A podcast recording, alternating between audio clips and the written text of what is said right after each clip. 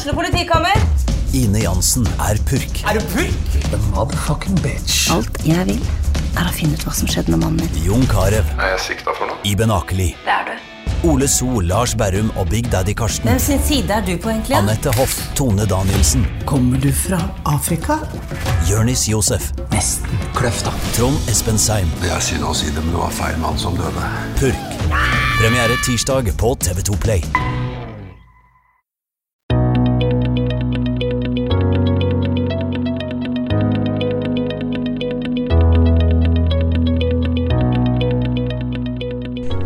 Og velkommen til TV-podden. Mitt navn er Marie Olaussen. I dag har jeg tatt toget til Oslo for å møte ei som lever av å være dønn ærlig om livets oppturer og nedturer. I alle kanaler på internett. det er så fint at du har lyst til å være med i TV-podden. Velkommen hit, Malin Nesvold. Tusen takk. Du, det er jo veldig mange av oss som føler at vi kjenner deg veldig godt. Ja, de sier så. det er veldig mange jeg møter på gata sier akkurat det. Du kjenner ikke meg, men, men jeg vet alt om deg. Ja. Bare! Så, men likevel så kan det hende at det er noen som ikke veit hvem du er. Så kan ikke du tenke at jeg liksom ikke veit noen ting. Ja. Hvem er du, Malin Nesvold? ja, du, jeg er jo ei eh, enkel godjente fra Holmestrand. Fyller 30 til sommeren og vil helst ikke vedkjenne meg det. Eh, jeg jobber, har et litt rart eh, yrke. Jobber som YouTuber. Eh, men nå er jeg sykemeldt 80% så jeg har ikke lagt ut YouTube-video på fire måneder. Og på denne kanalen så pleier jeg jo egentlig da, og egentlig alle de andre sosiale mediekanalene i tillegg, så skravler jeg jo mye da om, om livet og om livets oppturer og nedturer. Kanskje nesten mest nedturer. Og deler eh, raust om hvordan det er å være deprimert og ha panikkangst.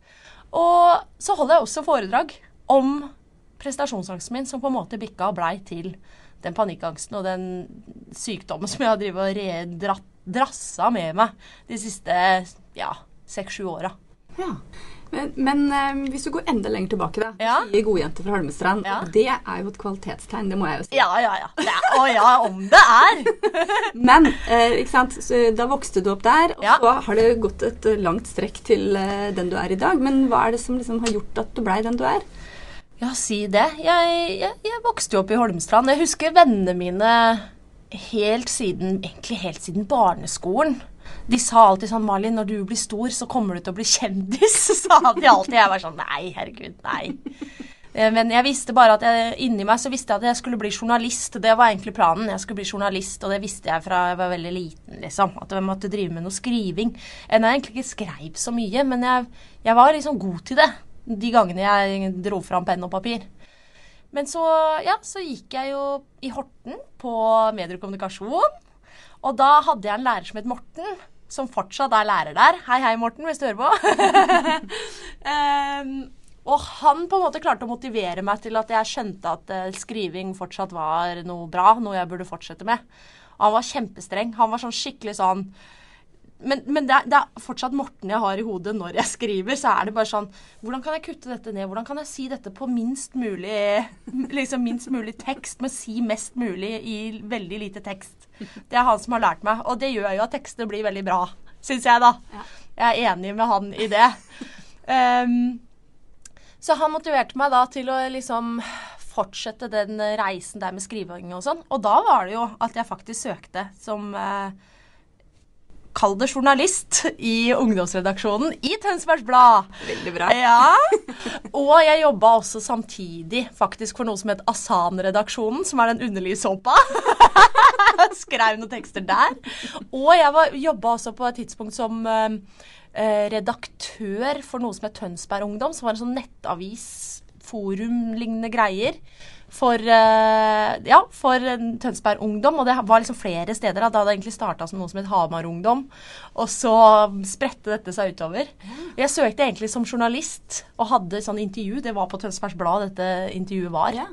Eh, og så, når de kom tilbake, så var det sånn Du, vi har ikke lyst til å tilby deg den der jobben som journalist. Vil du heller bli redaktør? Var, Å, herregud! Ja, det vil jeg. Og så hadde jeg én undersått, og det var da journalisten. Og det var Ida Wulf, hun som er blogger. Så det var vi to som drev Tønsberg Ungdom i noen år der. Ja, og det har gått veldig bra med begge to. Ja, faktisk. Virkelig kommet liksom ut i verden. Ja, faktisk. Er det ikke spennende å tenke på? Nei, så sånn var det egentlig. Og så var jeg noen sånn klimareporter. Reiste til Kina for Spirit, og det surra og balla seg på. Men så kokte det, blei det plutselig litt mye. Så da fant jeg ut at nei, jeg skulle ikke bli journalist likevel. Jeg skulle bli sykepleier i stedet. Sykepleier? ja.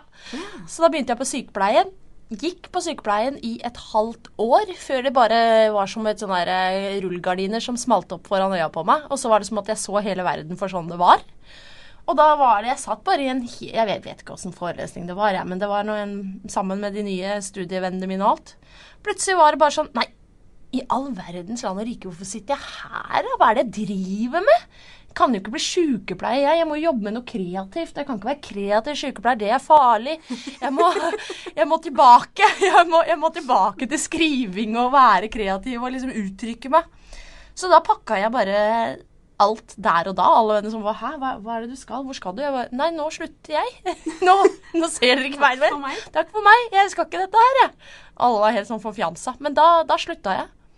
Og da på en måte slutta jeg både på sykepleien i Drammen, og jeg gjorde slutt med da barndomskjæresten min, og jeg flytta til Oslo på Flekken og begynte på Westerdals som er tekstforfatter. Ja. Ja. Ja, det var en eh, kreativ reise, da. Ja. ja, det kan du si. Men det var veldig gøy. Altså sånn, Til den dag i dag så står liksom sykepleieryrket veldig mitt hjerte nær, for jeg er veldig glad i å hjelpe folk. Men nå føler jeg på en måte at det er det jeg får gjort. For jeg var jo det jeg syntes var kjipt ved å liksom gjøre slutt med sykepleien. Var at fader, får jeg ikke hjelpe av folk nå? Skal jeg liksom bare sitte og skrive sånn seriøse ting og sånt? Men eh, så fant jeg ut at det lot seg å kombinere. Jeg kan, jeg kan jo både være kreativ, og det var jo da liksom alt med YouTube og sånn kom. At jeg bare Jeg kan hjelpe folk, jeg kan bruke min historie. Uh, ja, og jeg kan skrive, men da i form av å skrive på en måte gjennom bilder, da. Ja. Levende bilder. Uh, ja. Og da blei liksom dette universet født, egentlig. Ja, og hva tenker folk når du sier Ja, hva jobber du med?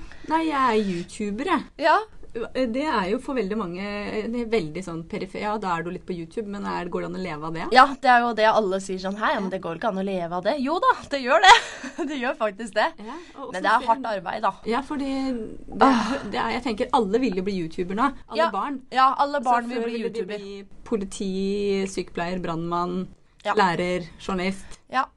Eh, Men nå vil de på TV, eller de vil bli YouTuber. Ja, jeg syns jo det er en litt sånn skummel utvikling, egentlig, da. For jeg møter jo alle, veldig mange av disse barna som sier akkurat det. Og når jeg spør de sånn Å ja, men hva vil du lage YouTube om? Nei, det vet jeg ikke. Det, det viktigste er egentlig bare at de skal bli kjent. Og da er jeg litt sånn Åh. Det er ikke den beste motivasjonen for å bli YouTuber. Du må ha noe, noe å si, og helst noe litt viktig. Syns jeg, da. Men kan ikke du eh, fortelle hvordan er liksom en arbeids... Kanskje ikke en dag, derfor jeg tipper at det er ganske forskjell på en dag og en annen dag. Men eh, Ja. en uke eller en måned i livet som YouTuber. Ja. Nei, altså, man går jo i uhorvelig mange møter. det gjør man. Ja. Stort sett alle i arbeidslivet. Herregud, så mye møter det er. Eh, men man skal jo i møter, da, fordi at for å leve av det, så må man jo ha noen som har lyst til å betale for de videoene du deler. Så da må man jo, og da er det jo om å gjøre å finne liksom de relevante samarbeidspartnerne, så ikke det på en måte bare er sånn kjøpt og betalt, for det prøver jeg å holde meg unna. Eh, så man er en del i møter, og når man ikke er i møter, så lager man jo videoer, da. Og det er jo Det skjer jo hjemme. Det er jo ikke, det er jo ikke som på TV, liksom, at du er i et sånn fancy studio og sånn. Det er jo jeg, på en måte, som subber rundt i pysjen og har med, drikker en kopp kaffe. Og gjerne liksom eh, Ja, så skal det se ut i stua i dag, på en måte. Ja, jeg setter den planta. Det blir litt fint, kanskje. Ja, så skyver jeg stolen bort der, og så gjør det liksom klart. Og så er det å fyre opp noen sånne lamper for å få på noe sånn ordentlig lys. Og så fikser man jo Man er jo et lite Eller man er et produksjonsselskap bare med én person. Så det er også sånn folk kan være Jeg merker i den bransjen da, at de som ikke forstår på en måte hva, hvor mye arbeid det er å være YouTuber, det er veldig mange som ikke forstår. Eh, de tror det er liksom Kan ikke du bare lage den filmen, eller kan du ikke bare gjøre litt sånn? Så det sånn Men det er bare jeg, på en måte. Det er jeg som er Ja, det er jeg som er prodas. det er jeg som er lydteknikeren. Det er jeg som har regien. Det er jeg som er fotografen. Det er jeg som også er liksom eh, stjerna foran kamera. Det er jeg som klipper det etterpå, og det er jeg som markedsfører det. Så jeg, det er liksom alt jeg får det i en pakke. Så ja, det er, veldig, det er veldig, veldig mye jobb. Så det er sånn det surrer og går, da. At eh, ja, så filmer jeg en time eller to, og så skal dette i klippen, og så sitter jeg gjerne og klipper i Ja. Når folk, igjen, når folk tenker sånn Herregud, eh, kan du ikke bare lage flere, enda flere videoer? Det er jo det folk er sånn Åh, kan du ikke lage mer? Kan, du ikke, kan, kan vi få mer? Vær så snill. Så sånn, ja, jeg skulle gjerne gjort det, men det er bare meg. Og tre minutter med film har jeg kanskje sittet tolv timer i strekk og klippa. Så jeg har ikke flere timer. Og så nå, du ser jo hvordan det går. Nå sitter jeg 80% sjukmeldt. Fordi det er bare jeg Ja. som har jobba og jobba, og til slutt nesten jobba meg litt i hjel, da. Ja. Det er jo ikke så bra. Ja. Eh, Vi er veldig takknemlige for at du kan bruke litt av den 20 på meg, da. ja, klart det. Klart det. Men én ting er jo videoene eh, som, du måte, som er veldig sånn gjennomprodusert og proffe. Og Ja. der er det jo på en måte en YouTube-kanal med er det noen og 40 000 som Ja, snart abonnerer. 50 000. Som følger deg på YouTube. Ja. Det er jo helt rått, men du har jo veldig mye sånn håndholdt hverdagsvideomateriale. Ja da. Snapchat og Instagram, Ja. og, og folk følger deg jo på en Ja måte da. hele døgnet. Ja, de Eh, gjør og det. kanskje litt mindre nå som du er sjukmeldt, da. Ja da, det gjør de. For det er jo en ting som jeg kanskje Jeg kan nok ikke gå tilbake til sånn jeg har jobba nå i tre, nesten fire år. Hvor jeg på en måte har dokumentert nesten livet mitt 24-7. Det kan, eh, det kan jeg bare si at det er nok ikke det lureste man gjør. man må jo kunne ha pause, på en måte. Så det øver jeg litt på nå, da. Er, jeg syns det er fryktelig vanskelig, for jeg ser på en måte alltid verdien. Jeg er liksom på hele tida. Jeg kommer rett fra psykologen nå, by the way. Og han var sånn, Malin, nå må du på en måte øve på å ikke være på og tenke på alle andre. For det blir sånn at når jeg lever livet mitt, så er det nesten som at jeg hvis jeg gjør meg noen erfaringer, eller hvis jeg er ute blant folk og jeg får en eller annen impuls eller ser noe som jeg tenker at åh, dette burde de få vite, dette har de godt av å, å vite om. Kanskje de føler seg bedre hvis jeg forteller om det. Men så etter hvert så må jeg bare skjønne at jeg kan ikke fortelle alle historiene, på en måte. For da sliter jeg meg ut. Ja. Jeg må ha noen breaks innimellom der. Men jeg elsker det jo, så det er jo det som er greia. Jeg må, jeg må øve skikkelig skikkelig på å ta vare på liksom meg sjæl. Men så elsker jeg også at jeg har muligheten til å gjøre så store forskjeller for andres liv, da. Det, det gir meg jo masse. Det skjønner jeg godt. Ja. Men, men hvem er disse menneskene som på en måte sitter på andre sida av kameraet? Vi ser jo deg, Ja. eh, og du eh, får jo masse tilbakemeldinger, så du har jo litt ja. peil på hvem disse ja da. menneskene er. Jeg vet hvem de er. Jeg har jo nemlig jeg har en venninne som for noen år siden da du begynte på Snapchat, Ja. sa at hun måtte avfølge eh, Makeup-Malin. Ja. Som, som da var, Ja, som var na- gamle ditt, navnet det gamle navnet ditt, Makeup-Malin. Jeg måtte avfølge Makeup-Malin fordi at jeg gikk tom for strøm hele tida på telefonen. Så det var sånn fordi det var jo noe som skjedde i livet ditt hele tida. Ja, ja. Og og det her er liksom- jo alt, på en måte. Men Det her er jo Ja, jeg er jo snart 42. Ja. Hun er enda eldre enn meg. Uh, men det er liksom noe med at eh, i den virkeligheten, da, Ja. eh, som er liksom kanskje litt fjernt for noen, men så er det jo veldig Du treffer jo veldig mange i veldig stort aldersspenn, tipper jeg. Kanskje liksom sånn Ja, folk i 50-åra, 60-åra, eh, 16 Ja, ja, ja. år. Ja, Man har jo liksom en sånn hovedmålgruppe. Det ser man jo liksom på et sånt tall og sånn, for man får jo opp tall, da. Så da ser du jo veldig tydelig hvem som er liksom hovedmålgruppa. Og det er jenter. Det er typ 90% jenter. Og de er fra 13 til 30. Det er liksom det, det spennet der. Men så er det jo både folk under og veldig mange også over 30-markøren, holdt jeg på å si, som også følger med. Jeg husker en gang jeg spurte på Snapchat sånn Hallo, jeg lurer sånn på hvem, hvem er liksom den eldste følgeren jeg har? Er det noen som har noe tall? Fins det noen der ute? Og da fikk jeg ei som var sånn Oldemor følger deg, og hun er 92! Wow! Det er jo helt rått! Og det er faktisk veldig mange Jeg får veldig mange bestemødre som sier at jeg fikk barnebarnet mitt til å følge deg, for det syns jeg er så koselig at de kan liksom få noen sånn litt positive eh, påvirkninger i livet sitt, da. Så det er veldig, veldig stas. Så det er virkelig i alle aldersgrupper som følger meg. Du var så vidt inne på det i stad, ikke sant? det med depresjon og med Ja. psykisk sykdom. Ja. Eh, For noe av det som jeg syns i hvert fall er er veldig interessant, men også et slags paradoks, da, ja. er jo at du er veldig åpen. Ja. Eh, Jeg, da jeg begynte å følge deg, så het du Makeup Malin, og Ja. det var eh, masse mm, sminking. Ja. Og det var veldig Samtidig som du var veldig raus med alt annet òg. Og du Ja, ja, ja. viste deg jo uten sminke og sånn, men det var veldig mye fokus på det. eh, Men på en veldig sånn jovial og ålreit måte. Eh, Men så er jeg så imponert over at eh, det er ikke noe stress for deg liksom å være helt usminka. Nei. Med liksom utgråtte øyne eh, og liksom selfiekamera liksom unnante fra. Sånn Ja. som alle veit at vi må ikke ta bilde av. oss Nei, vi må helst ha det ovenfra og ned, så ser man litt slankere ut. skrå, så litt slankere. Ja. Det, er bare, det er bare helt sånn som når vi liksom Vi andre skvetter jo hvis vi har glemt å snu selfiekameraet. Ja, så Oi, der er og så- Faen, nei, det var ikke sånn. Ja, å nei, så Nei, jeg sånn nei, nei, nei, nei, nei, nei, fysj, få snudd det liksom. Ja. Eller få det opp i høyden. Ja. Men, uh, men sånn jeg tenker uh, Hvordan bestemte du deg for at uh, du hadde lyst til å dele den vanskelige delen av livet ditt også? Nei, jeg tror egentlig bare det gikk en liten sånn faen i meg, på en måte. For at alle jeg fulgte selv på sosiale medier, de presenterte veldig en sånn virkelighet som jeg bare visste at ikke var sann. Så da begynte det, rett og slett. Ja. For, var det i 2016, det er allerede tre år siden, så Å, herregud, kunne ja. Ja. hele Norge følge deg. Er det tre år siden Ja, jeg måtte google det, for jeg tenkte at det var i fjor. Men det, Nei. Nei, det har jo kommet noen flere i Sesong. Jeg mot meg, sesong én med psykolog Peder Kjøs. Kjøs på NRK. Eh, og det var helt Hele Norge snakka om det. Ja. Det var deg og syv andre mennesker som du aldri hadde møtt før. ja. Eh, Gruppeterapi på TV. På TV. Ja. Videodagbok hjemme, håndholdt, eh, røff kameraføring. Fortsatt undervinkling. Grining og snørr og tårer og angstanfall og Ja. de helt store vurderingene i livet. Ja. Hva gjorde det med deg? Ja, det var jo en spennende tid. Jeg eh, var veldig skeptisk sånn i starten. Eh, fordi grunnen til at jeg egentlig i det hele tatt på en måte havna der, det var fordi at denne DPS-en som jeg gikk til før det, da, som vi akkurat snakka om, eh, plutselig hadde ikke de noe mer et behandlingstilbud.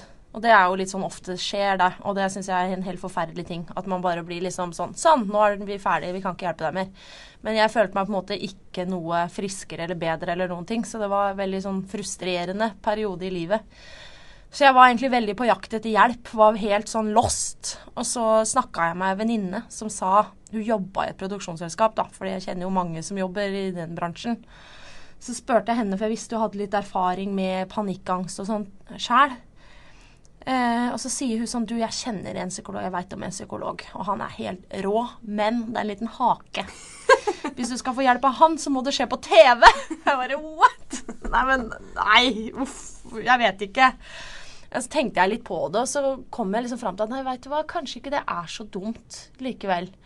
Fordi da kan jeg liksom Da kan jeg få veldig god hjelp. Det akkurat det som jeg trenger. Men så kan jeg også bruke alle de ekle følelsene her og alt det som jeg står i, til noe positivt. Jeg kan klare å snu det til noe positivt, for da kan jeg kanskje hjelpe noen andre òg. At det liksom blei litt sånn win-win. Så jeg tenkte ja, jeg tror jeg skal gjøre det. Og så blei jeg jo med, da. Og jeg var veldig skeptisk også til det at det var gruppeterapi. Og jeg tenkte sånn Å, herregud, skal jeg ta inn over meg alle andres problemer? Jeg har mer enn nok med meg sjæl. Jeg vet ikke om jeg orker dette her. Men der også blei jeg veldig motbevist ganske raskt, da. At det var egentlig en kjempefin eh, opplevelse.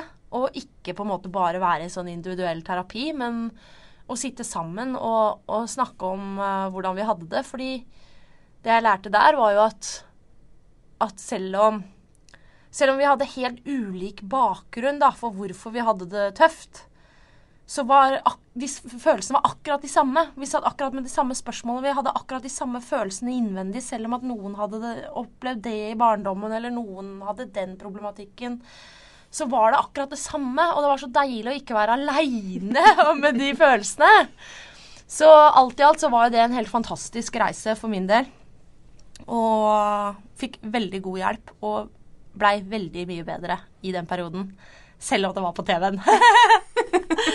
det var bare, det funka jeg, jeg kan jo ikke snakke for alle der, men for min egen del så var det en veldig god erfaring. Og selv etterpå eh, når jeg så på en måte det ferdige. Fordi det er klart, det er jo klippa ned veldig, veldig, veldig klippa ned. Og man får jo bare sett en brøkdel av det som er det du fortalte, og det man satt og jobba med.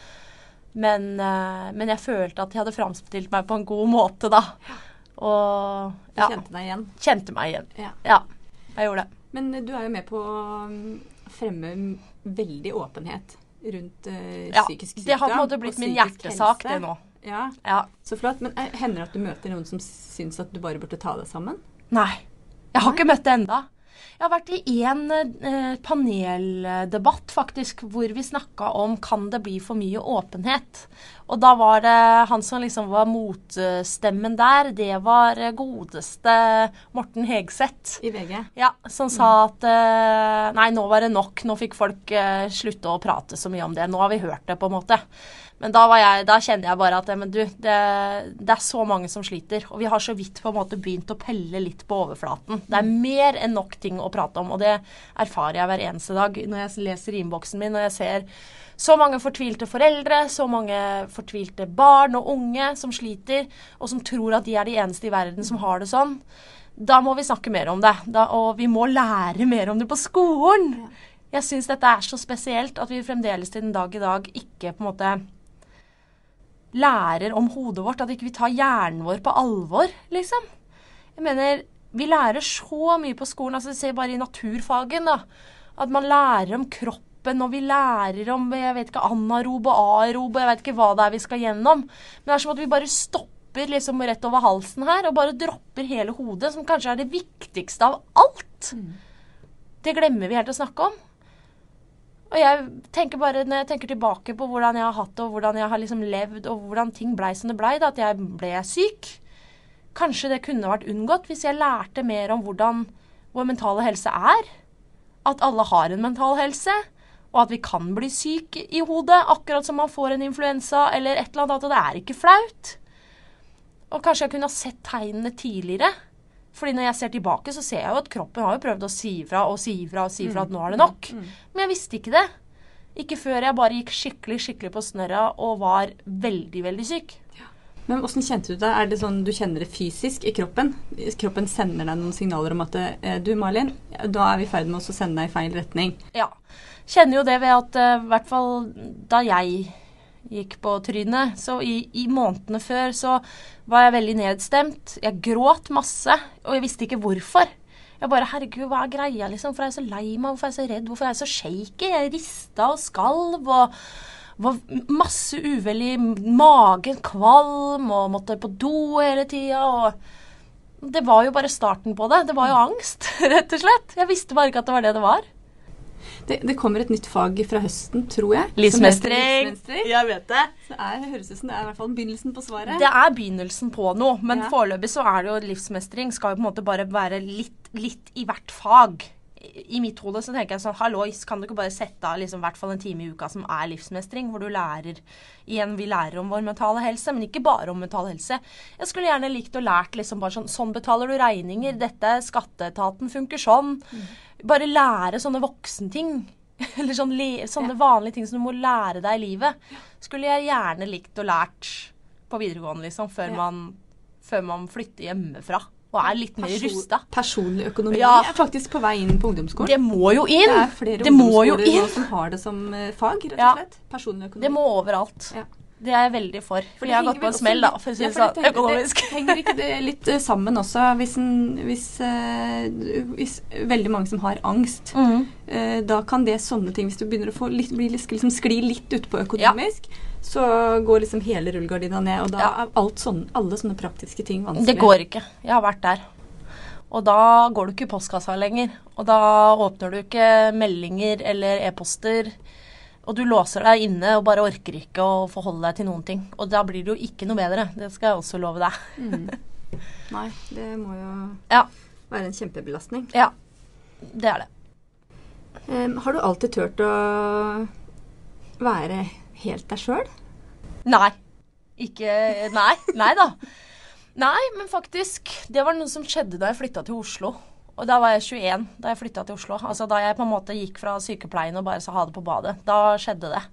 Før det så var jeg veldig opptatt av å Og bare bli likt, på en måte. Og passe inn og være som alle andre.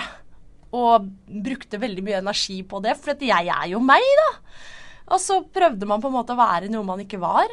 Og jeg følte i hvert fall der eh, jeg kommer fra, da, Holmestrand, det er kanskje litt det samme eller sånn, Det er typisk sånn bygdegreier, da.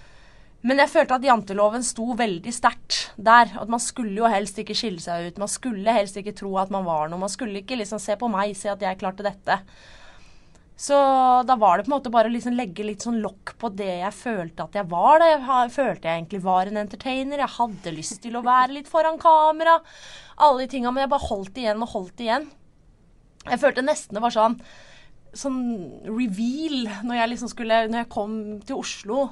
Og i hvert fall de første gangene jeg kom hjem og jeg på en måte det var ikke som jeg skulle vise mitt sanne jeg. Så, se her! Alle sammen. Mamma, pappa og venner. Alle. Dette er mitt egentlige jeg. Uh, men da var det ingen som ja, Det ble ikke liksom den derre wow som jeg hadde sett for meg at det skulle være. Alle var liksom Ja, men det her har vi jo visst hele tida, Malin. Å, OK. Er det sånn du er? Ja. det er sånn du er. Ja, bare, så de har på en måte egentlig alltid bare sett det, og på en måte sett at jeg har liksom prøvd å legge litt lokk på det. Mm. Men eh, når jeg, ja, som sagt, når jeg på en måte kom meg litt utenbys, og ja, det var liksom litt mer rom for det her i storbyen, da. Og, og der var det nesten et pluss å skille seg ut. Mm. Da turte jeg mer å bare slippe det løs og bare "Mm, Sånn er jeg, du får ta meg som jeg er. Og det har funka bra. Ganske, i hvert fall. Ja, det har vært en suksess. Ja, det var en suksess. Um, det er jo, jeg tenker at det er mange som ikke tør det du har eh, gjort, ved Ja. å på en måte akseptere at eh, sånn er du. Ja. Em, og eh, vi skriver stadig vekk om eh, Ungdataundersøkelsen Mm. eh, og om andre undersøkelser, eller om eh, kunnskapen som helsesøstre har, Mm. om at eh, de, som er, de som vokser opp nå, syns det er veldig vanskelig å være ung, da. Ja. Eller bare å leve. Ja. Eh, og hvordan, hvordan liksom, syns det i innboksen din? Åh, det syns veldig godt. Og jeg får så vondt eh, av de mange, eller liksom av den, den unge generasjonen i dag. Fordi eh, da jeg tenker, i hvert fall da, når jeg, jeg tenker sånn da jeg var ungdom Jeg syns det var fryktelig vanskelig å være ungdom. Altså sånn, Det er det jo å være tenåring. Det er så mye som skjer. Det er så mye som skal liksom Man skal liksom finne seg sjæl. Det er vanskelig. Men det er bare enda mye verre i dag enn det det var den gang.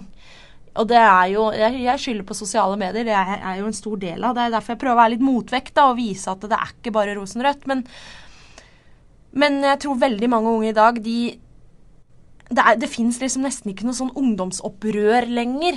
Det er jo ingen som bruker ungdomstida si lenger til å liksom OK, nå skal jeg teste litt grenser, nå skal jeg gå på røykehjørnet, nå skal jeg liksom et eller annet sånt. Det er ikke lenger. De, de er bare flinke. De er bare flinke og sliter seg ut og gjør alt for å være flink og best. Og ikke bare skal man liksom være flinkest på skolen.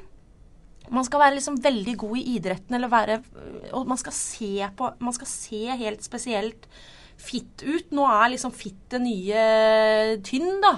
At du skal være definert. Det er ikke måte på hva, hvilke krav de stiller til seg selv. I tillegg så har vi da disse sosiale mediene hvor du da også skal liksom vise livet ditt.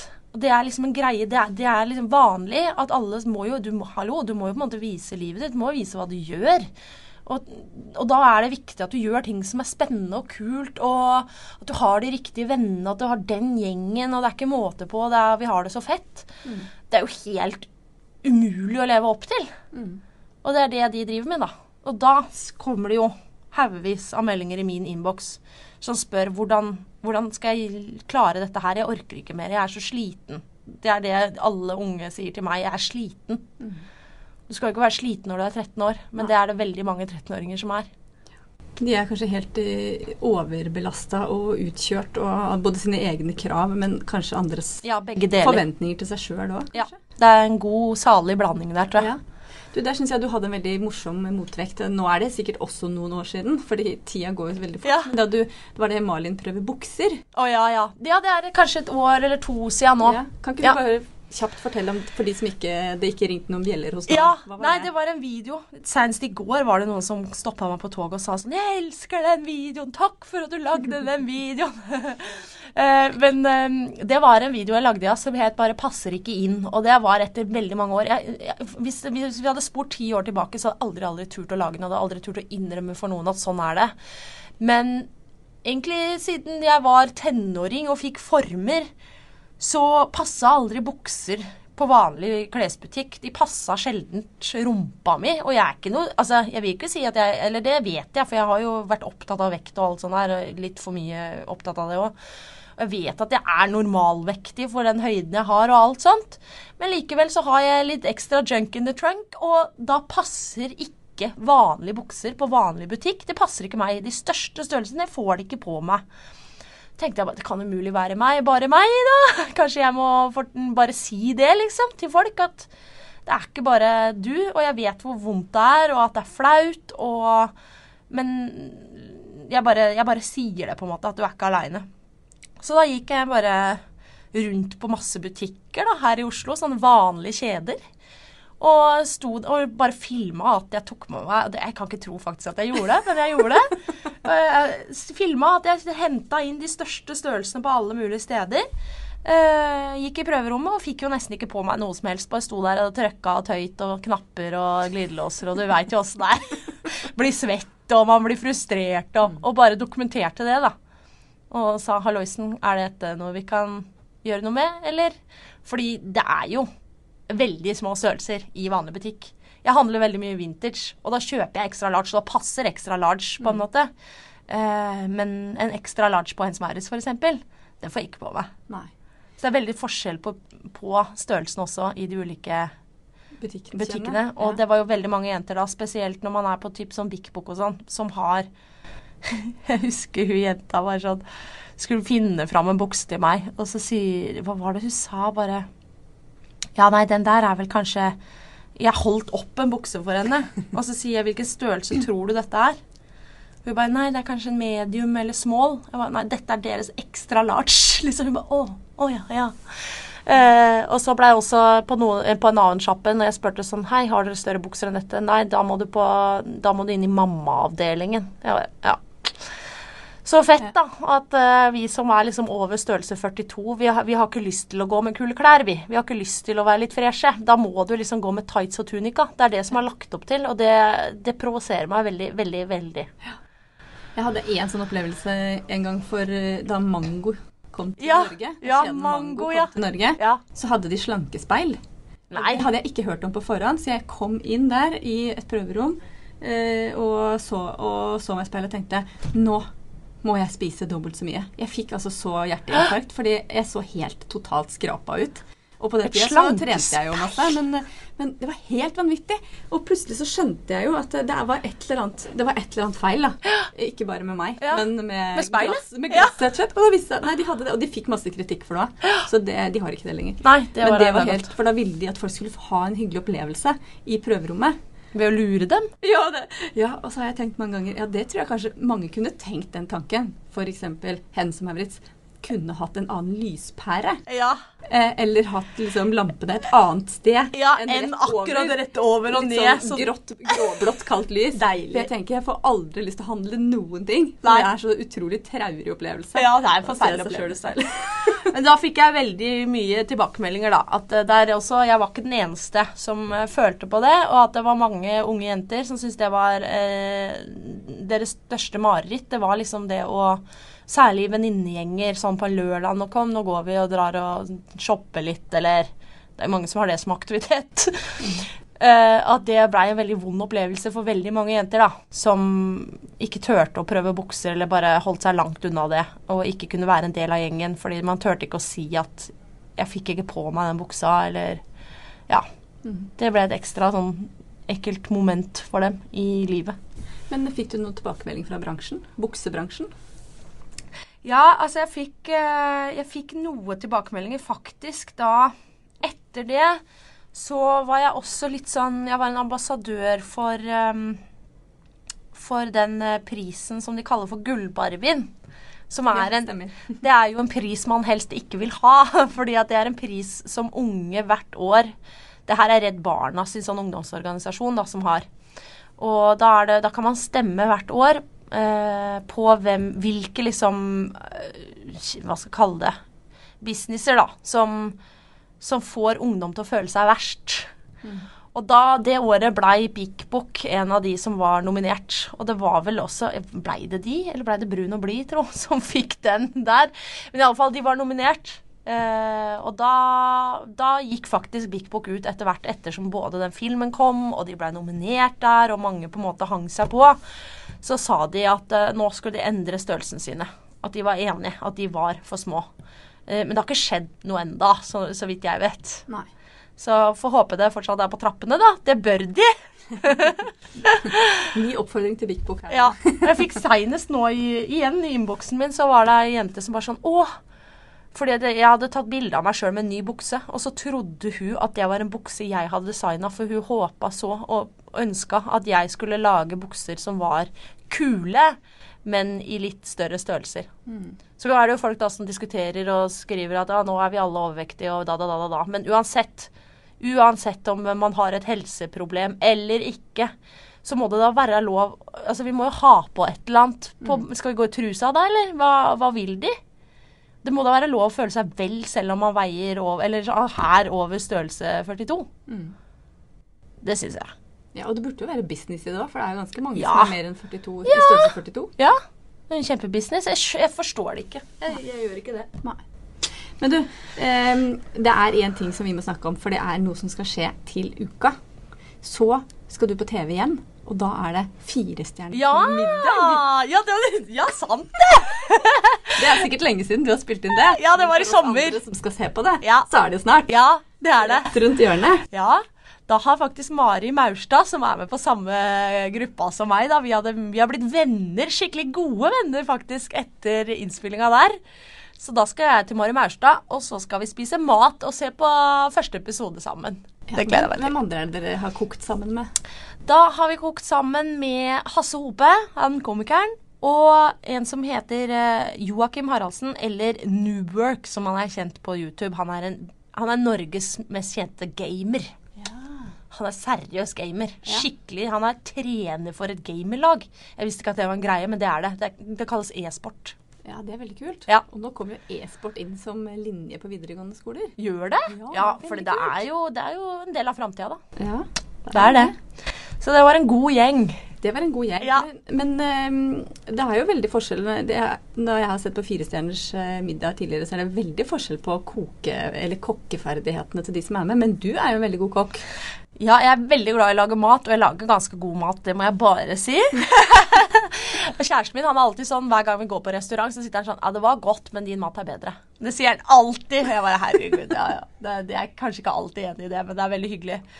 Men det skal sies at når man er med i Firestjerners middag, så er det jo veldig mye sånn lamper og folk, og ting skal fikses litt på forhånd, og de vil filme det, og det er jo sånn det er i produksjoner, da.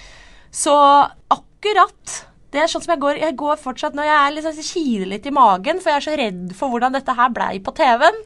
Fordi at jeg brant både ribba som jeg hadde laga, og det gikk ikke helt etter planen. Så jeg føler nå at nå kommer folk til å sitte igjen med et inntrykk av at jeg ikke er så god til å lage mat, tror jeg. Og det irriterer meg. Men, eh, men ja da. Nei, det, får, det går som det går.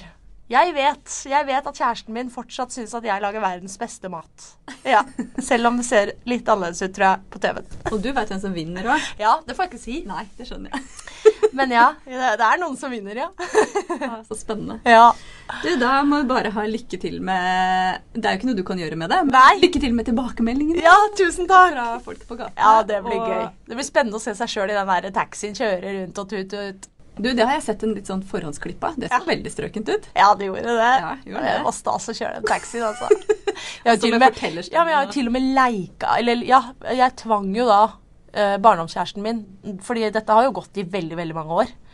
Og jeg, da jeg var 19 og bodde fortsatt hjemme i Holmestrand, så sa jeg bare sånn Sånn, nå skal vi ha fire stjerners middag for hverandre. Du skal ha den dagen, jeg skal ha den andre dagen. Vi skal ha underholdning, det skal være treretters. og det var sånn var det. Så allerede da var jeg i gang og håpa og drømte om at kanskje en vakker dag. Og nå sitter jeg i den ekte taxien, og det er jo fantastisk. Så veldig bra. ja. Du, Malin, eh, tusen takk for at eh, du hadde tid til å prate med oss i TV-podden. ja, vært det var veldig veldig hyggelig. Det det? ja, skikkelig koselig har det vært. Gøy. Ja, Da sier vi bare takk til deg, og takk til dere som har hørt på. Og så høres vi igjen neste gang. Det gjør vi. Ha det godt. Ha det.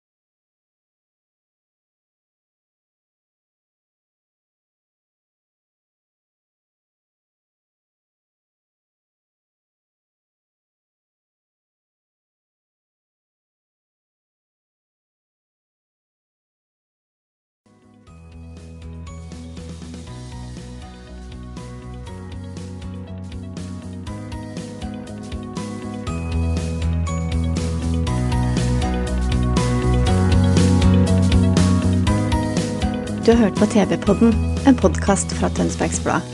Mitt navn er Marie Olaussen. Konstituert ansvarlig redaktør er Erik Vold Aunemo, og musikken er laget av Scott Holmes. Mer fra vår podkastredaksjon finner du der du laster ned podkaster.